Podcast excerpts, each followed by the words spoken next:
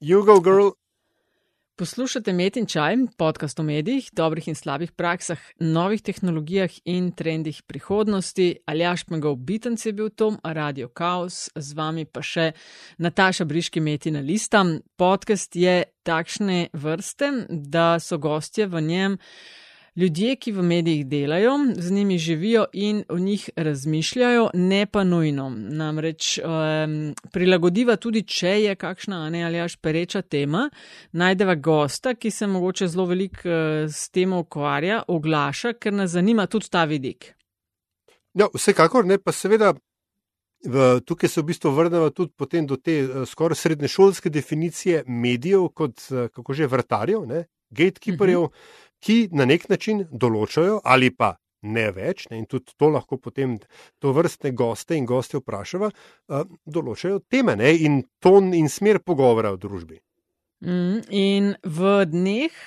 Ko to epizodo snemava, je bila na referendumu potrjena novela zakona o RTV, se pravi, Aljaš, zdaj vse dobro.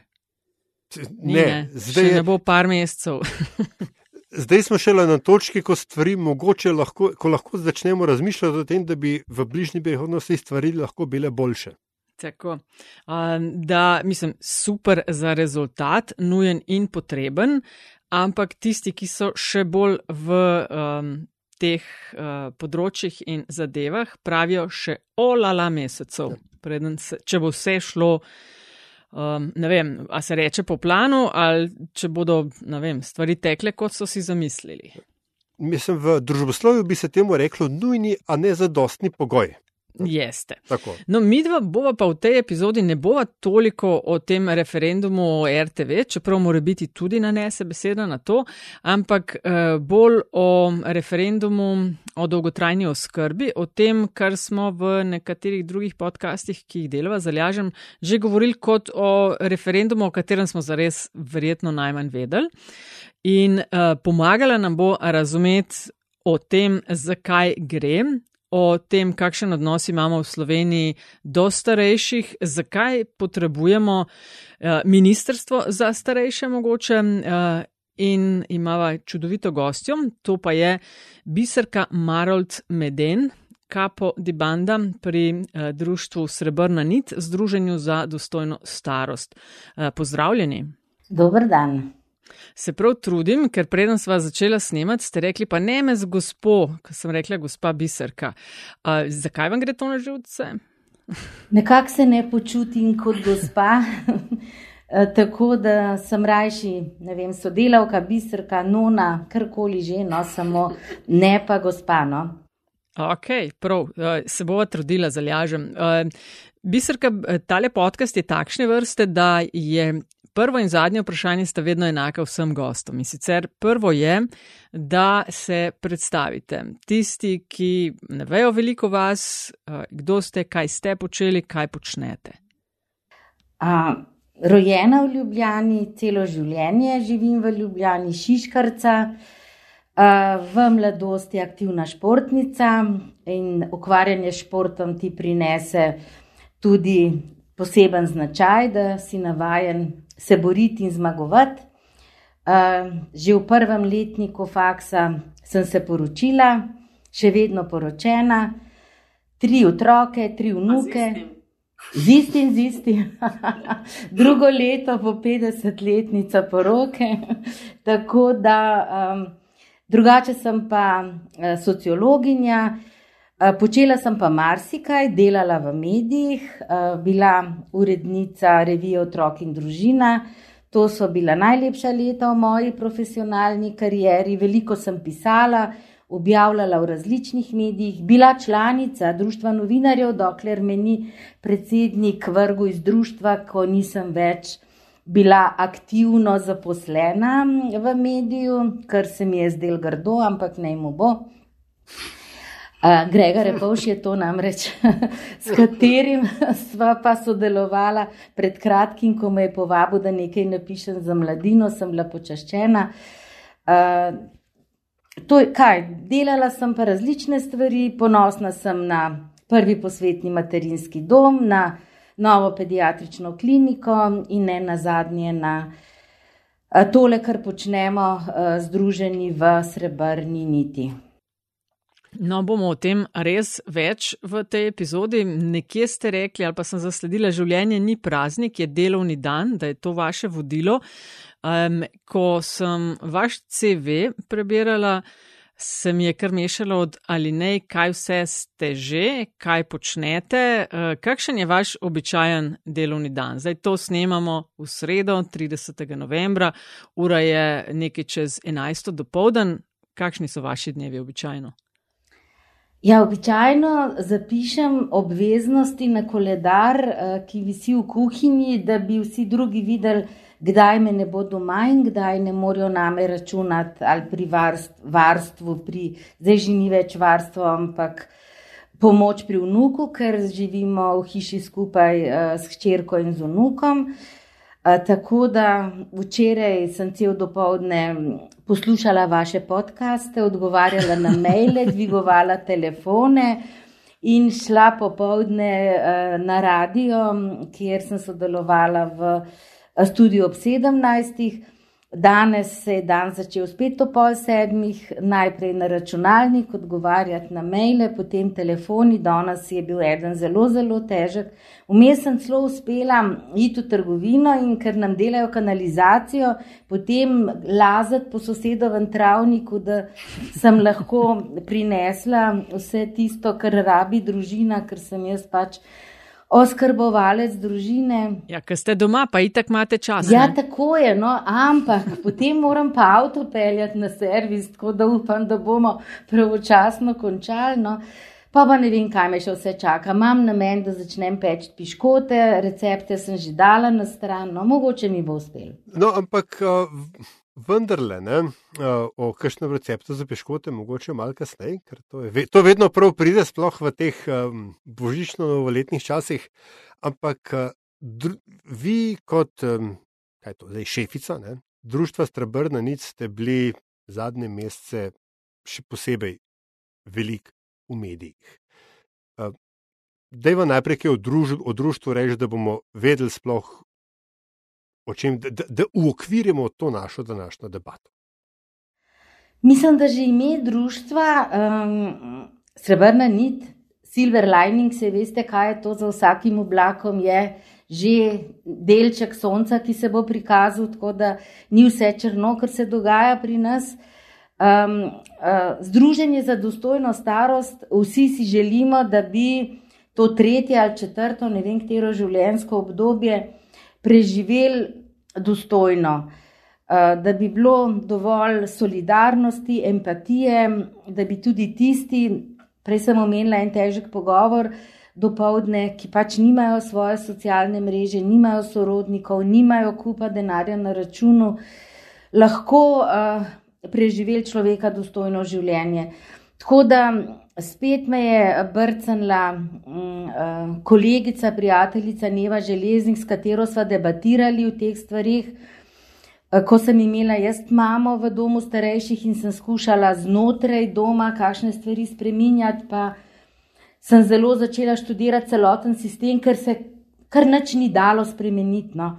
Tako da smo se potem zbrali tisti, ki želimo karkoli spremeniti na področju skrbi za starejše. Ehm, Kmal se nam je pridružil eh, dr. Andrej Pleterski, ki je želel, da mi kot društvo tudi peljemo to pobudo za zakon o pomoči pri prostovoljnem končanju življenja. Um, potem smo pa slišali tudi očitke, kaj je zdaj, boste pomagali ljudem umreti, rajške in naredite za njih. Ne?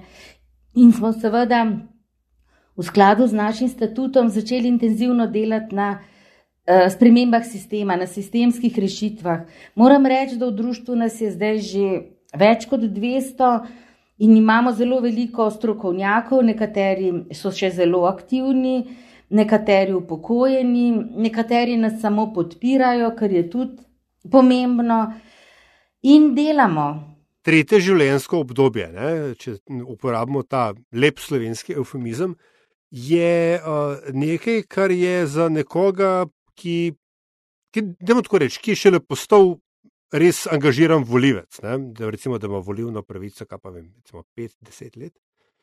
to je nekaj tako zelo oddaljenega, da si velika večina teh o, o takih stvarih sploh, sploh ne razmišlja.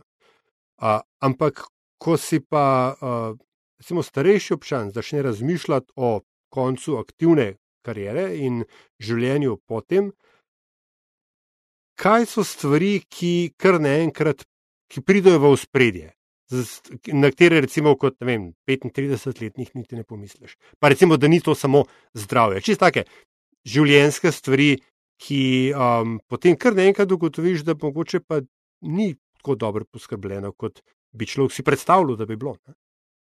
Ja, nažalost je res tako, da šele takrat, ko nekdo od tvojih bližnjih potrebuje pomoč in mu je ti ne moreš več zagotoviti, in jo pač iščeš v sistemu, ugotoviš, da je ta sistem mm, nezadosten, pomankljiv, luknjičast ali kako naj temu rečem. In dolgotrajna oskrba, jaz sem prepričana, če bi zdaj le šli uh, kamorkoli, v katero koli institucijo, pa magari v parlament, pa vprašali ljudi, kaj je to dolgotrajna oskrba, kako imamo urejeno. Ali ste mogoče prebrali zakon, ker vsi so zelo pametni in o njem zelo veliko govorijo, bi bil rezultat zelo, zelo slab. No? Tako da um, jaz sem se s tem začela, jaz sem bila prepričana, da sistem deluje. Vedela sem, da imamo domove za starejše, da obstaja pomoč na domu, nisem pa vedela, kako dejansko v resnici te stvari izgledajo, kako so nedostopne, kako zelo slaba je javna mreža in kako zelo je sociala zadnjih 20 let postajala vse manj sociala za ljudi, da je bilo vse skupaj izjemno tržno usmerjeno in da, tako kot zdaj poskušajo nekateri zdravstvo pokazati kot eno tržno dejavnost, um, uh, zmeri krivimo ta liberalni kapitalizem, ali ne vem, kako bi temu rekli, ampak sociala pa dejansko res je velika tržna niša dolgotrajna oskrba v celi Evropi, v svetu, tudi v Sloveniji in to zaslužkarstvo na račun starejših se vedno bolj a, krepi, namesto da bi glede na položaj starejših, vemo, kako nizke so pokojnine, koliko ljudi zelo težko živi, da bi krepili. A, socialni sistem, solidarnost, no in na tem delamo v srebrni niti in v času epidemije, ker vemo, kaj vse se je dogajalo. Je bilo pa še toliko zelo bolj pomembno, da starejši dobijo svoj glas in v srebrni niti smo se z javnimi pismi, ki smo jih napisali toliko, da jih že ne znam več prešteti, ker jih je bilo v zadnjih um, treh, štirih letih več kot sto. No, uh, opozarjali na kršenje dejansko pravic starejših in seveda na ta vse splošni starizem, ki ga je čisto preveč. Kaj so pa bili, v, koliko let je vodste zdaj srebrno nit? Um, jaz uh, sem, kot ste rekli, da ste videli, kje vse sem bila, kaj sem delala. Ja sem se zelo naveličala um, številk, poročil uh, in vseh teh zadev, in sem rekla, nikjer več ne bom, kjer mi bo treba pisati poročila, pošiljati na iPad in ne vem kaj. In smo najprej delovali kot uh, civilna družba. Ok, koliko let? Leta 17 smo začeli. Se pravi, pet let intenzivno delate. Kaj bi rekli, da je v teh petih letih, kaj štejete za svoj največji uspeh, poleg tega, da ste brez dvoma dvignili zavedanje o tem, da se moramo o teh stvarih pogovarjati, ker ste zelo glasna in zelo aktivna na tem področju? Uh, mislim, da je verjetno tudi zasluga srebrne niti, da je ta problematika starejših prišla malo bolj v spredje. Čeprav mhm. tukaj bi rada povdarila, da je izjemno aktiven tudi sindikat upokojencev Slovenije z gospod Frančiško Četkovič na čelu. Drugi pa malo bolj sledijo trenutni politiki in se oglasijo takrat, kadar jim tudi koristi, no, ali pa tudi ne. No.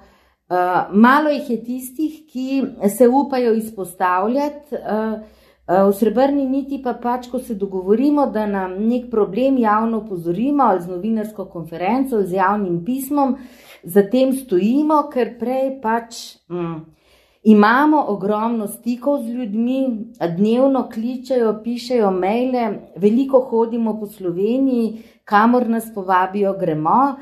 Uh, in ena zadnja imamo člane iz vse Slovenije, tako da um, ne govorimo na pamet uh, in tisto, kar govorimo, za tem stojimo. Uh -huh. uh, Aljaš je že omenil, da ste sodelovali v dveh eh, kampanjah. Ena je bil ta referendum eh, za zakon eh, o dolgotrajni oskrbi, druga pa kandidatura Nataše Pirc-Musar za predsednico Slovenije. Kaj ste se naučili od teh dveh kampanj? Pa se so zelo različni, verjetno, ne? Predsedniški ste bili prva podpisana. Ne? Ja, to, to ni vezano na srebrno nit. Ker, ja, ja. Uh, ja, no, kaj sem se naučila? Ha. Naučila, ne naučila, kaj sem doživela, bolj to. No. Tudi, ja. okay. Nisem verjela, da obstaja, predvsem v tej drugi kampanji, toliko enih laži, sprenevedan, toliko strokovnjakov v navednicah, ki vse vedo.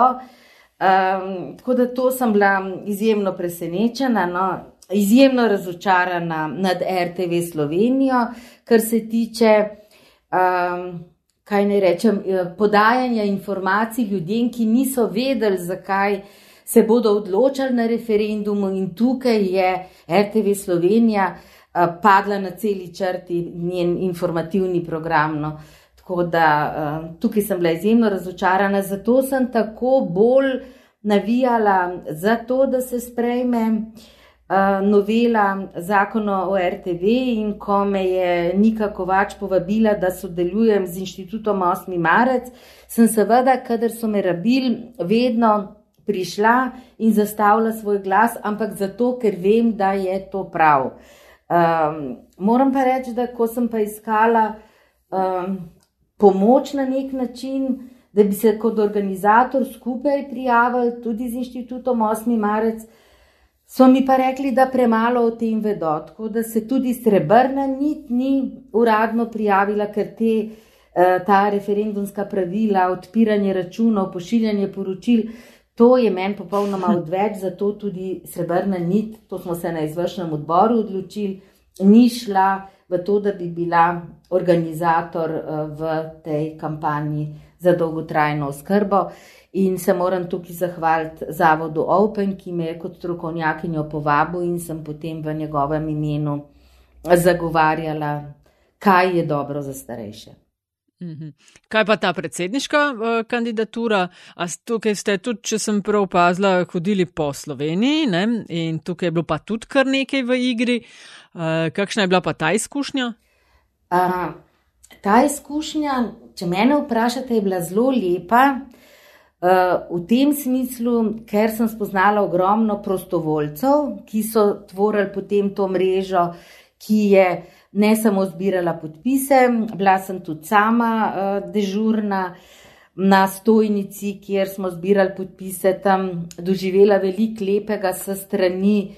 Um, uh, kaj ne rečem, nasprotnik tekmecev, ne nasprotnikov tekmecev. A res, velik lepega. Ja, no, velik lepega. Moram pohvaliti recimo sina gospoda Vajgla.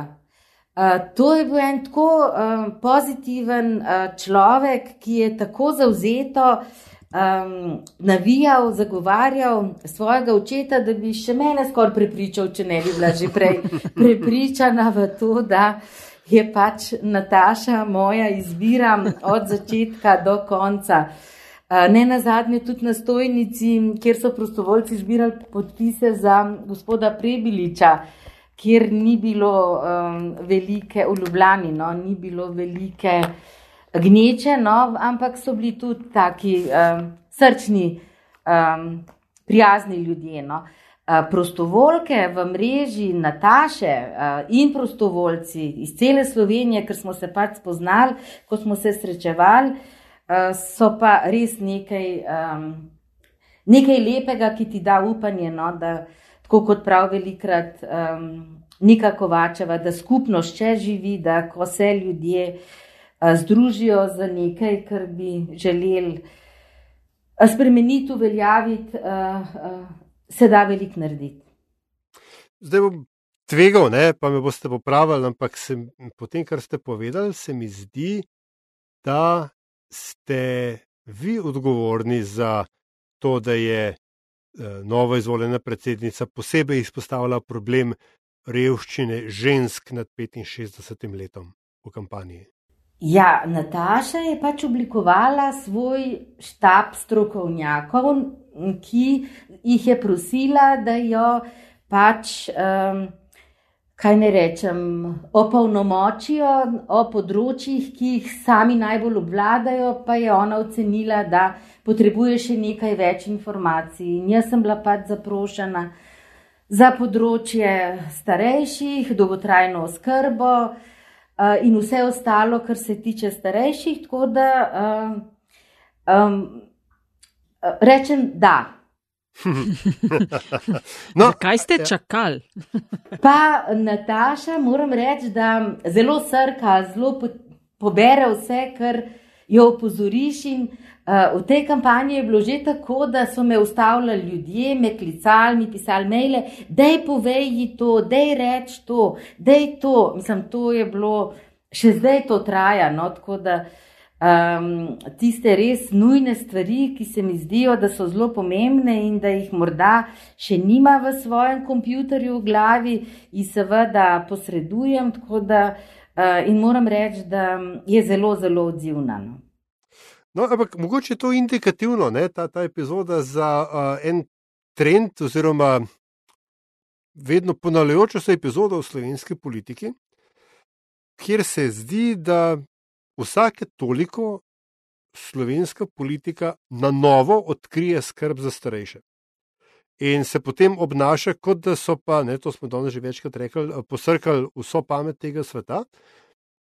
In se kot bi se človek, kot da za nalašč se ne bi hotla učiti na napakah iz preteklosti. Zdaj, recimo, na pamet pridejo te zadnji uh, digitalni boni za starejše ne? ali pa računalniško pismenjevanje nasploh, ker kot da ne bi v tej državi že vrsto let, skoraj desetletje ne? in še več imeli projektov za računalniško pismenjevanje starejših, pa festivala za rete življenjsko obdobje in tako dalje.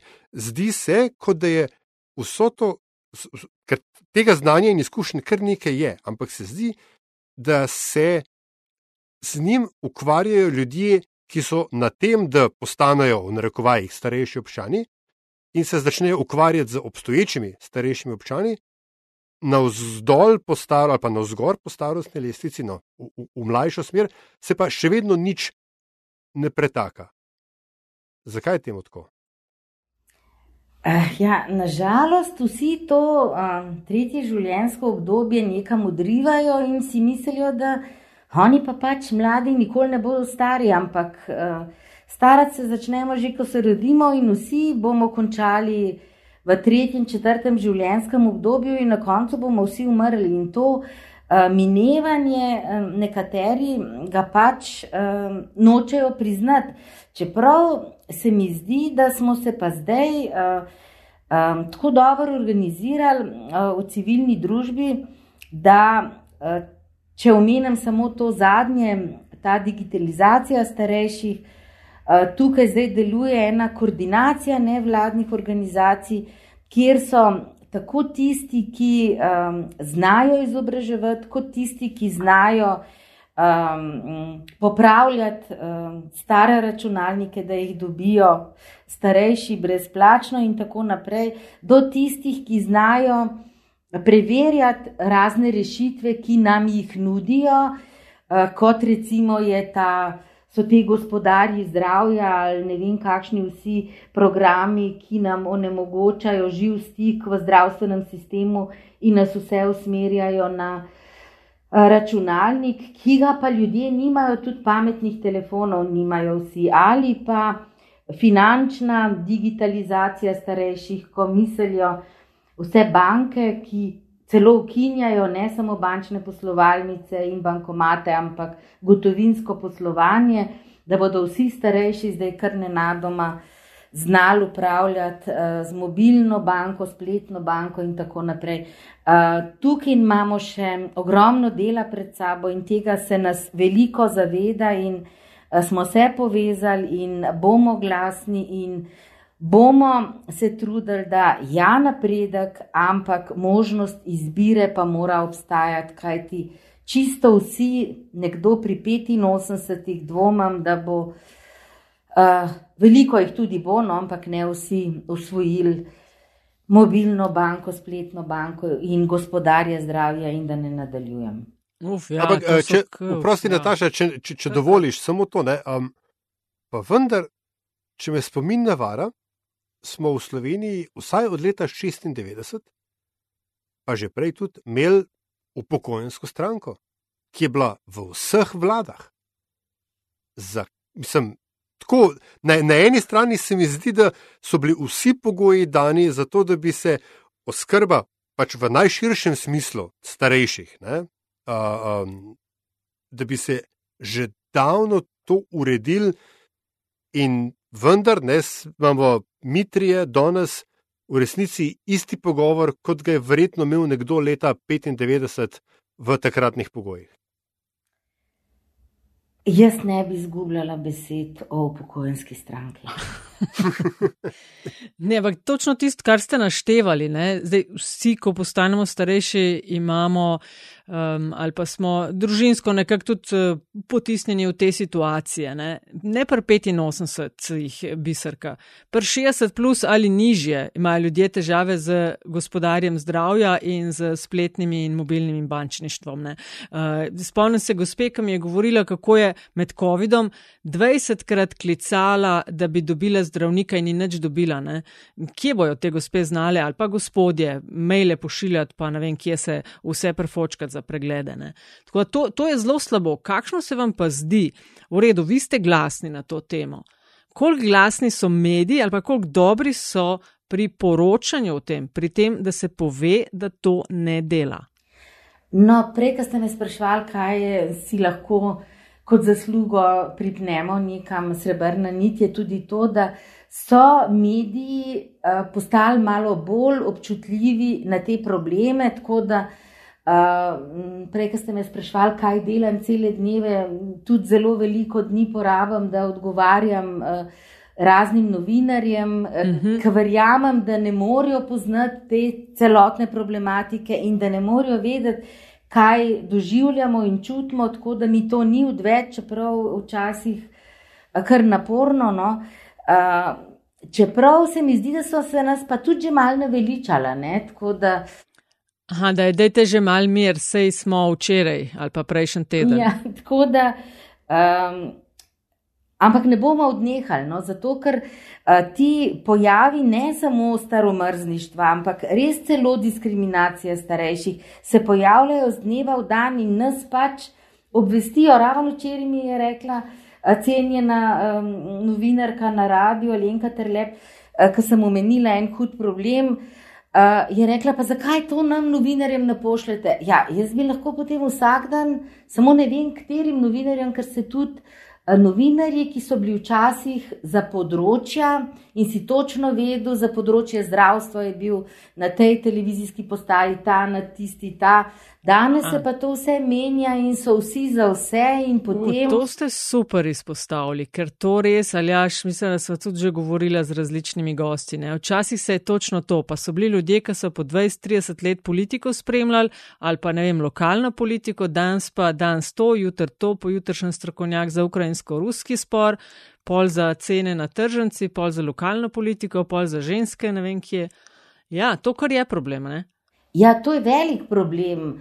Uh, in meni se smilijo ti mladi, uh, ki pridejo v medije, uh, ki se morajo znajti, ampak vsem pa od njih pričakujem, da se pa obrnejo na tiste, ki se s problematiko ukvarjajo, ne da ne nadoma uh, vidiš um, v medijih strokovnjake za dolgotrajno oskrbo, ki jih v teh desetih letih, kar to spremljam, ali pa malo več, no, uh, ni bilo nikjer.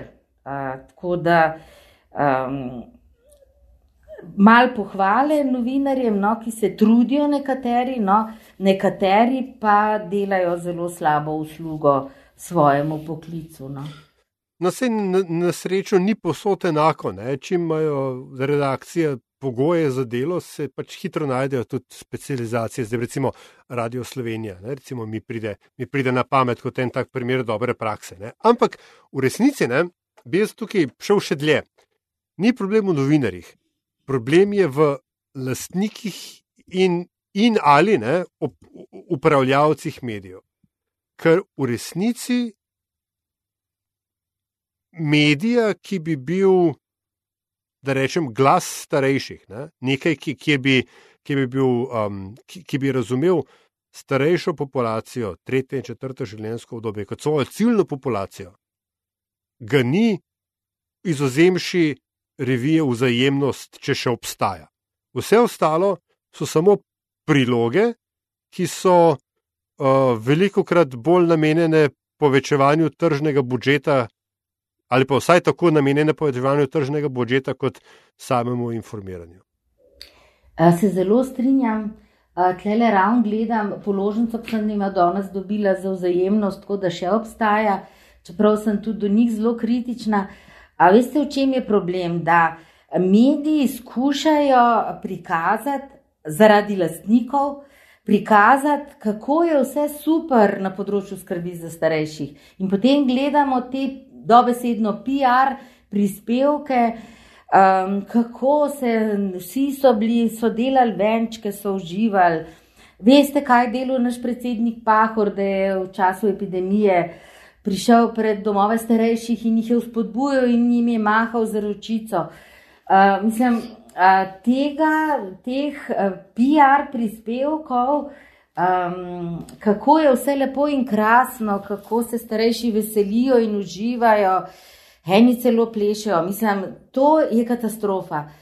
Če pa se jim pokažeš v gledalo, da dejansko recimo v domovih starejših jih je res deset odstotkov tistih, ki se udeležujejo razno raznih prireditev in gredo tudi na izlete, na sprehode in tako naprej ampak jih je pa približno 80 odstotkov, ki so priklenjeni na posteljo v svojih sobah, ki nič od tega nimajo. Veliko jih je še uh, zelo bolnih pod različnimi zdravili, tako da so res zelo ubogi. No? Ampak um, želijo nam pa prikazati nekateri mediji, kako je vse krasno in kako je vse superno. Uh, tako da uh, ni vse zaverjetno. Ampak kakšne stvari v redu, marsikaj ni urejenega, ampak kakšne stvari pa so gotov primer dobre prakse ali pa kakšne inštitucije ali pa kakšni ljudje.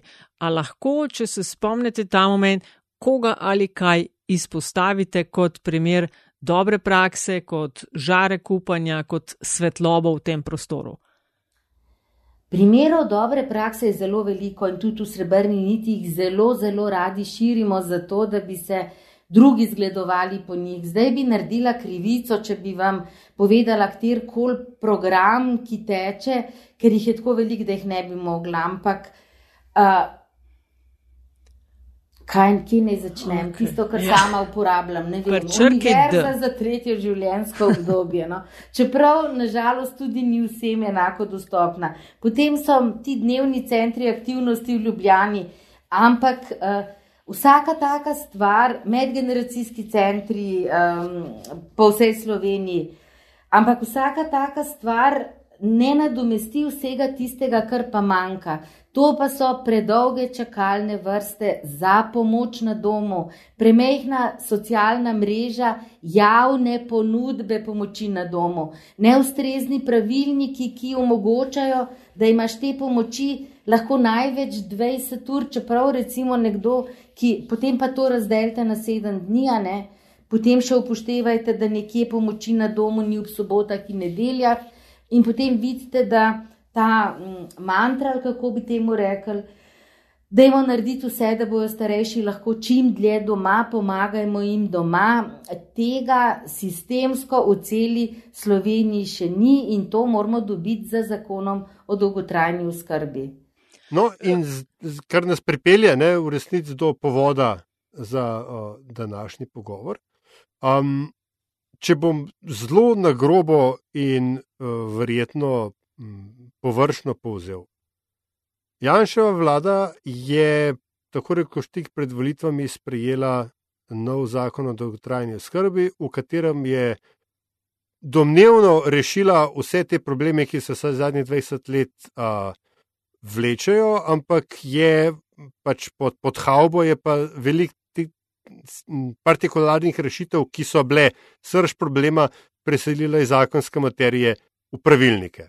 Uh, in potem je še, če prav razumem, bil tudi problem uh, zagotovitve financiranja, in ta zakon bi moral začeti veljati 1.1.2023. Denarja ni bilo, pravilnikov ni bilo, in nova golobova vlada je rekla, da bomo mi to zamaknili za eno leto, vmes bomo pa mi to rešili tako, kot mi mislimo, da se spodobi. A sem prav povzel? Um, samo ena napaka, ta zakon, ki mu ne rada rečem Janšev, no, iz decembra 2021 je začel veljati že januarja letos 2022, pa ni v letošnjem letu čisto nič prinesel.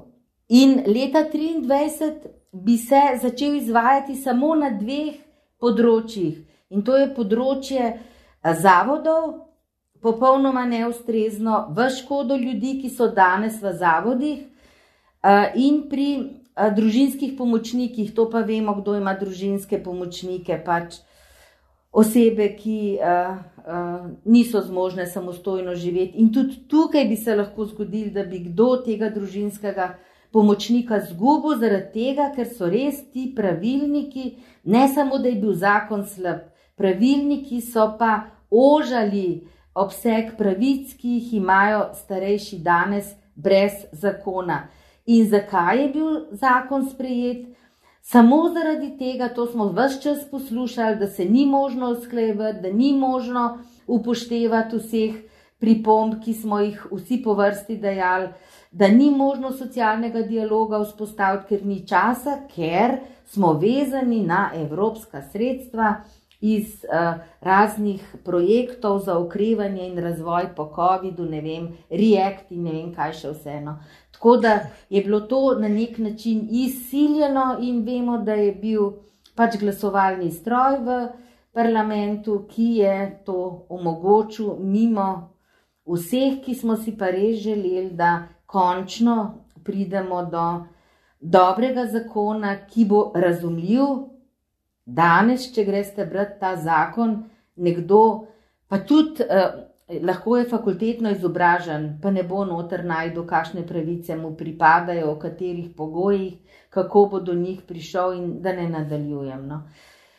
Uh, tako, ta osrednji problem financiranja uh, pa ni rešen že vseh 20 let, odkar, odkar se je začelo govoriti, da bo dolgotrajna oskrba in deinstitucionalizacija, ta izraz ljubim, uh, ki tudi eh, ne vejo, kaj to pomeni, ampak se je zelo dobro izkazalo, kaj pomeni pri eh, samo enem zavodu, ki so ga uspeli deinstitucionalizirati na krasu, če ste kaj spremljali v medijih, ko niti ljudem niso znali pojasniti, da to ni noben bav, bav in ne bo to zdaj um, zmanjšalo kakovosti uh, uh, območja, v katerem bodo ti uh, Eh, te manjše namestitvene enote za osebe s posebnimi potrebami. Uh, tako da uh, tukaj so res padle na izpitu čisto vse vlade, pa pustimo zdaj, kakšne so bile leve, desne, črne, bele, rdeče, ker niso zagotovile denarja. Tako da financiranje je vse čas osnovni problem in je še danes. In včeraj, ko smo sedeli v studiu ob 17. in sta tam sedela spoštovana, eh, do, mislim, nič kriva predstavnika obeh dveh ministrstv, kajti za dolgotrajno oskrbo eh, sta pristojni dve oziroma tri, kajti na ministrstvo za finance pozabljamo in jih nikoli ni zraven, ampak na koncu pa rečejo, ni denarja v proračunu, prej jih pa ni zraven, pa tudi oni bodo stari, tako kot so nekateri že danes. Ne? In ta ping-pong med tema dvema ministrstvama se je vlekel celih 20 let in se je vlekel še včeraj. In polka jaz včeraj poslušam, se bomo pogovorili, bomo proučili. Uh, mi rata kar slabo. No? Tako da konc ni več časa za pogovarjanje, vse je zapisano, vse je na papirju, uh, vsi argumenti stroke, izvajalcev, uporabnikov. Zdaj je treba samo uh, določiti, katero ministrstvo, menda bo to do petka določeno, no? uh, ali bo to novo ministrstvo za medgeneracijsko solidarnost, ali ne vem, kaj se mu, ali stanovansko solidarnost, ali ne vem, kaj se mu bo reklo, no? bomo videli. Uh, tako da bo imelo to področje svojega ministra, ki mu bo prioriteta urediti področje skrbi za starejše. Ne, da je to vedno nekam bilo prepopano, nek čist na koncu, na repku in uh, minister za zdravje se je spomnil na dolgotrajno oskrbo, ko je šel pred 14 dnevi na en sestanek na, v, v Bruselj in so ga tam zagrabili za kravatelj, kaj ste naredili in kaj je lahko povedal. Nič nismo naredili, samo imamo en papir, en zakon, imamo ene slabe pravilnike, enega še nihče videl, ni na vsej. Ampak to je v bistvu to, kar ste si vi na nek način želeli. Ne? Vi zagovarjate že leta uvedbo, prav posebej ste govorili, ne? ministrstva za starejše. To v bistvu je zdaj gre v to vašo smer. Nekak. Upam, da gre.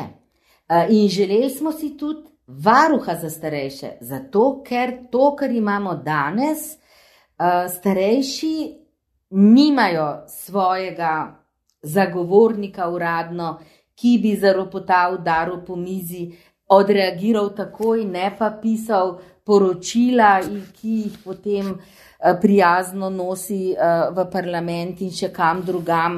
Uh, ko pa se mi konkretno na njega obrnemo, pa dobimo vedno enak copy-paste odgovor, da pač oni niso za to, oni so za nekaj drugega. Potem smo imeli veliko upanje, da bo zagovornik načela enakosti uh, kaj bolj uh, aktiven in moram reči, da v zadnjem času je, čeprav nas je pa v določenem segmentu tudi zelo razočaral, ker smo mu tudi povedali, ampak, povedali, ampak Eh, tudi zagovornik, ko da eno odločbo, potem uh, smo se sicer še šli pogovarjati in se jezili, da, da kako so lahko kaj tazga skupaj spravili, ko vejo, da je bilo eh, v resnici drugače, ampak. Uh, no, to mi povejte, ne, ko zdaj naštevate vse to. Um, veliko je pogovarjanj, kampanj, pregovorov, kaj bi, kaj ne bi. Vi ste se usposabljali tudi na seminarjih, kako se sporazumeti z agresivno stranko. Kakšne nasvete nam boste dali? Ne, jaz sem A, se usposabljala in sem medijatorka. Bila sem medijatorka za področje zdravstva, ampak se lahko vse te tehnike no, pogovarjanja, se seveda.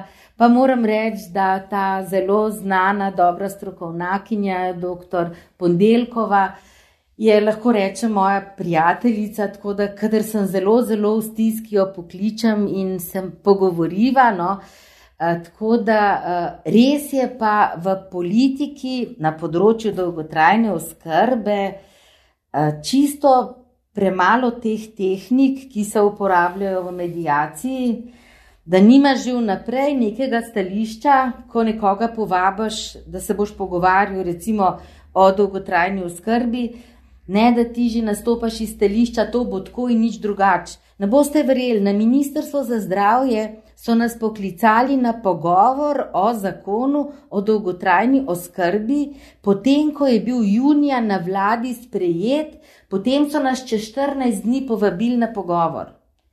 Seveda smo jim mi povedali, da imamo mi tažen pripomp in vseh ostalih sto drugih različnih izvajalcev, strokovnih združenj, uporabnikov, jih imajo tudi in ne nas zdaj klicati, to upoštevite, dajte kaj. Ja, ja, bomo, bomo, dokler bo šlo v parlament, bomo to popravili, bomo dopolnili, seveda se nič od tega ni zgodil. In potem dobiš pismo, pišite amandmaje. Nikoli v življenju nisem pisala amandmajev, pa smo se lotili, pa smo tudi amandmaje pisali. Ma kaj, ko ni bilo nič upoštevano? Nič od nič. In potem se najde nekdo, pred 14 dnevi, ko smo se najbolj trudili, da bi ta referendum le uspel in da bi se. Da bi imeli čas, da v tem letu pa res vse, kar imamo na kupu, združimo v en dober zakon, pa dobimo neko snutek novega zakona, ki je bil pa res samo za v okrogu fascikl. Ja, fajn, ne?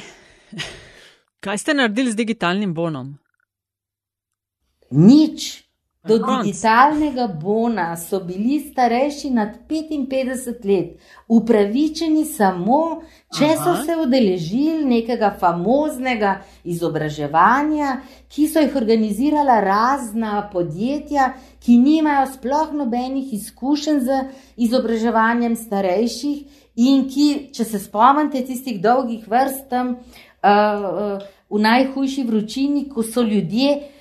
Eh, ki naj bi se digitalno usposabljali, morali v živo priti stati v vrsto in se tam pofočkati.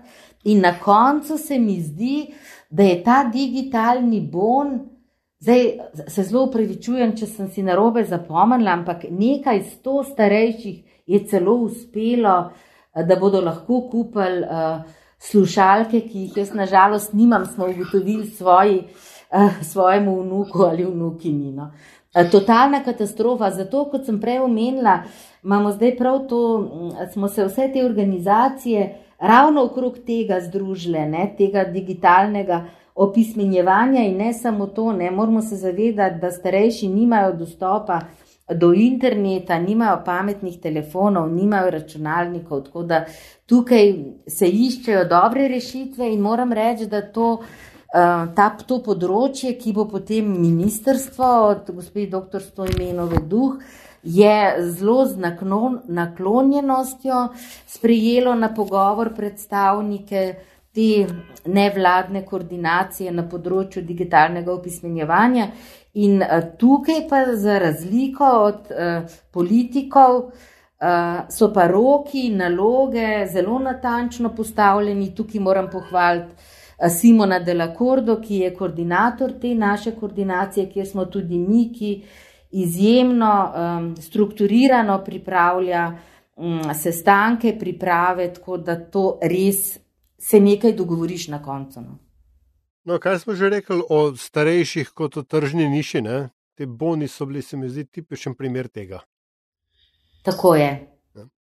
Um, Mogoče za konec, Nataša, vendarle še kakšno tudi o medijih rečemo. Ne, e, o, ne samo načinu, kako mediji um, v narekovajih pokrivajo ne, ali pa pokrivamo uh, starejšo populacijo, ampak o tem, kako jo predstavljajo. Ali, po vašem mnenju, slovenski mediji uh, starejšo populacijo um, predstavljajo pravilno v vsej njeni, um, kaj je to, široko ali pa večplastnosti. Ne, če se samo spomnite v času epidemije, ko so bile tiste ure nakupovanja in smo na televiziji gledali tiste pasice, sklonjena ženička s palco in to smo bili starejši nad 65 let. Tudi fotografije v medijih, posod vidiš te zgubane, uboge, zgarane roke na palici, potem na, ljudi na vozičkih, ampak to ni celotna populacija starejših. Veliko jih je izjemno aktivnih, veliko se jih zelo ukvarja s športom, veliko jih ne na zadnje, tukaj sem jaz izjemno, spremlja modo in ne bom rekla, kaj še vseeno, tako da ne, niso, niso uh, predstavljeni na način, da bi lahko videl vse spektr starejših, ampak imaš pol pred očmi res samo tiste najbolj nebogljene, na robu drinjene, uh, v narekovaju nekoristne, kar nam skušajo dopovedati, ne, ker ne ustvarjamo eh, ne vem, kakšne nove vrednosti, ampak eh, če jaz gledam ljudi okrog sebe, starejše, koliko pomagajo svojim eh, otrokom, da lahko oni gradijo svojo kariero. da se lahko oni v popolnosti živijo svoje življenje, mislim, da ne, nismo ustrezno predstavljeni. Pa se to mogoče ravno tukaj ta, ta problem, ne? ker po eni strani, ko gre um, za take stvari, ne, pač, ne vem, trgovina, pa tako dalje, je, imamo, um, kot ste rekli, ne, um, stare, um, sključene ljudi, ki so um, ne bi simbolizirali ne, to, to nebogljenost in odvisnost od družbe, potem pa po drugi strani, ko imamo pa uh, probleme z dolgotrajno skrbo ali pa namestitvijo v domove za starejše in tako dalje, je pa vse super happy, happy, ne, z, z žarečimi barvami in pravilno osvetlitvijo je vse. Je vse predstavljeno, in vsi se imajo super, fino, fajn, in ni nobenega problema, kar naenkrat. Ja, uh, in to, ne, da se še vedno uh, računa na to, da bodo uh, družine in tukaj predvsem ženske, kaj ti tega prostovoljskega v narekovaju neplačanega dela v skrbi za starejše, to največjo težo še vedno nosijo ženske in tega se pač, to se pa čisto premalo ceni in tukaj je potrebno pa tudi narediti take rešitve v zakonu o dolgotrajni oskrbi, da se bo ta praksa počas uh, umaknila. No. A bo uspel to narediti v tem enem letu, ker zdaj se govori, da to bomo v enem letu naredili.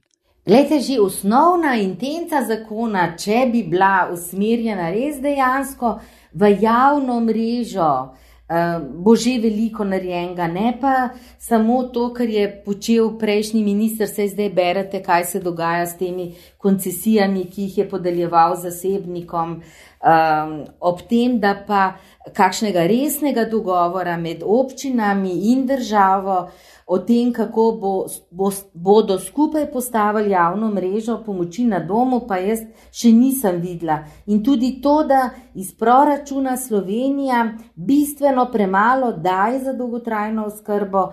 Um, Poprečje OECD-ja smo mi pod povprečjem, pa se imamo za neko socialno državo. Uh, jaz mislim, da to moramo narediti, ta premik k javnemu k uh, solidarnosti, ampak bo treba narediti tudi premike v glavah, da nas ne bodo gledali kot nekoristne, uh, kot zajedalce, kot um, mladi morajo delati za to, da vi dobite pokojnine. Oprostite, jaz sem si svojo pokojnino zelo zaslužila, ker sem 41 let delala in ulagala v pokojninsko blagajno. Če kdo misli, da si jo ne zaslužim, potem naj mi vrne moje vložke v pokojninsko blagajno in jaz bom zagotovo uh, potem s tem svojim denarjem zelo dobro živela, ko pa um, mi bo zmanjkalo, uh, bom pa vedela, kaj mi je storitno. Ja, to ste dobro povedali. Ali jaš pika? Ja, je vsak ne? uh, še tako dober pogovor, rabi piko in mislim, da smo mi prišli uh, do te točke, ampak ne še čist. Ja, ker zadnje vprašanje je, biserka tudi enako vsem gostom in gostjem in to je, da z nami delijo kakšno zanimivost, priporočilo, zgodbo, anegdoto, lahko ima veze z vašim profesionalnim udejstvovanjem, zasebnim ali pa je to čisto nekaj X, ampak skratka nekaj, kar ocenite, da ne vem, ocenjujete, da veliko ljudi ne ve, pa bi jih znalo zanimati. Uh, bom kratka. Najprej vam bom povedala najbolj grozno zgodbo, ki mi jo je pred kratkim povedal uh, moj triletni unuk. In kaj je rekel? No, ni, zmanjkalo je čokolade. Pika, konec grozne zgodbe. Dru, druga je pa, ko me je pa moj starejši unuk, ki je bil pa ravno kar 11, me je pred meseci vprašal. Noni, kdaj boš šla ti v pokoj? In mu rečem, pa se jaz sem v pokoju. Ne, ne, ne, noni, kdaj boš šla ti tako v pokoj, da ne boš nič delala? No, pa sem rekla, da to se pa ne bo zgodilo. Če, zdaj, veste kaj, hvala lepa za tole oboje. Sem se pa spomnila ta moment, da pred koncem pa mogoče še eno stvar lahko rečemo, ker Tedni in mesec, ki je pred nami, so božično-novoleten čas, in če je kakšna stvar, ki jo pogosto slišim iz ust starejših, je, da se najbolj bojijo osamljenosti. In vi ste pisali tudi o tem, da to je praznik in se spomnimo pisati starejšim tudi te voščila. Ja, pa ne samo to. Poklicati po telefonu tiste, ki jih že veliko časa niste poklicali, iti na obisk k starejšim, ker uh, takrat, ko boste najdel čas, jih mogoče več ne bo. Zelo pomembni so socialni stiki in prosim, prosim, dejte. Uh, vzemite si čas, pejte na obisk in pogovarjajte se. Pa tudi, če se vam bo mudil, zadnjič sem bila preteti, pa sem rekla, zdaj pa moram iti, ker me doma čakajo, pa je treba to pa to narediti. Je rekla, ne, ne, iti, ustan še tukaj, mene ne bo več dolg, ampak gledajte, ne pozabite no, na vse tiste, ki so sami in ki rabijo pogovor uh, in uh, pomislite na to. Biserka Marlt Meden, predsednica Društva Srebrna nit, Združenja za dostojno starost, najlepša hvala za vaš čas in gostovanje v podkastu Met in Čaj. Hvala za povabilo, sem bila počaščena. Hvala in srečno. Srečno.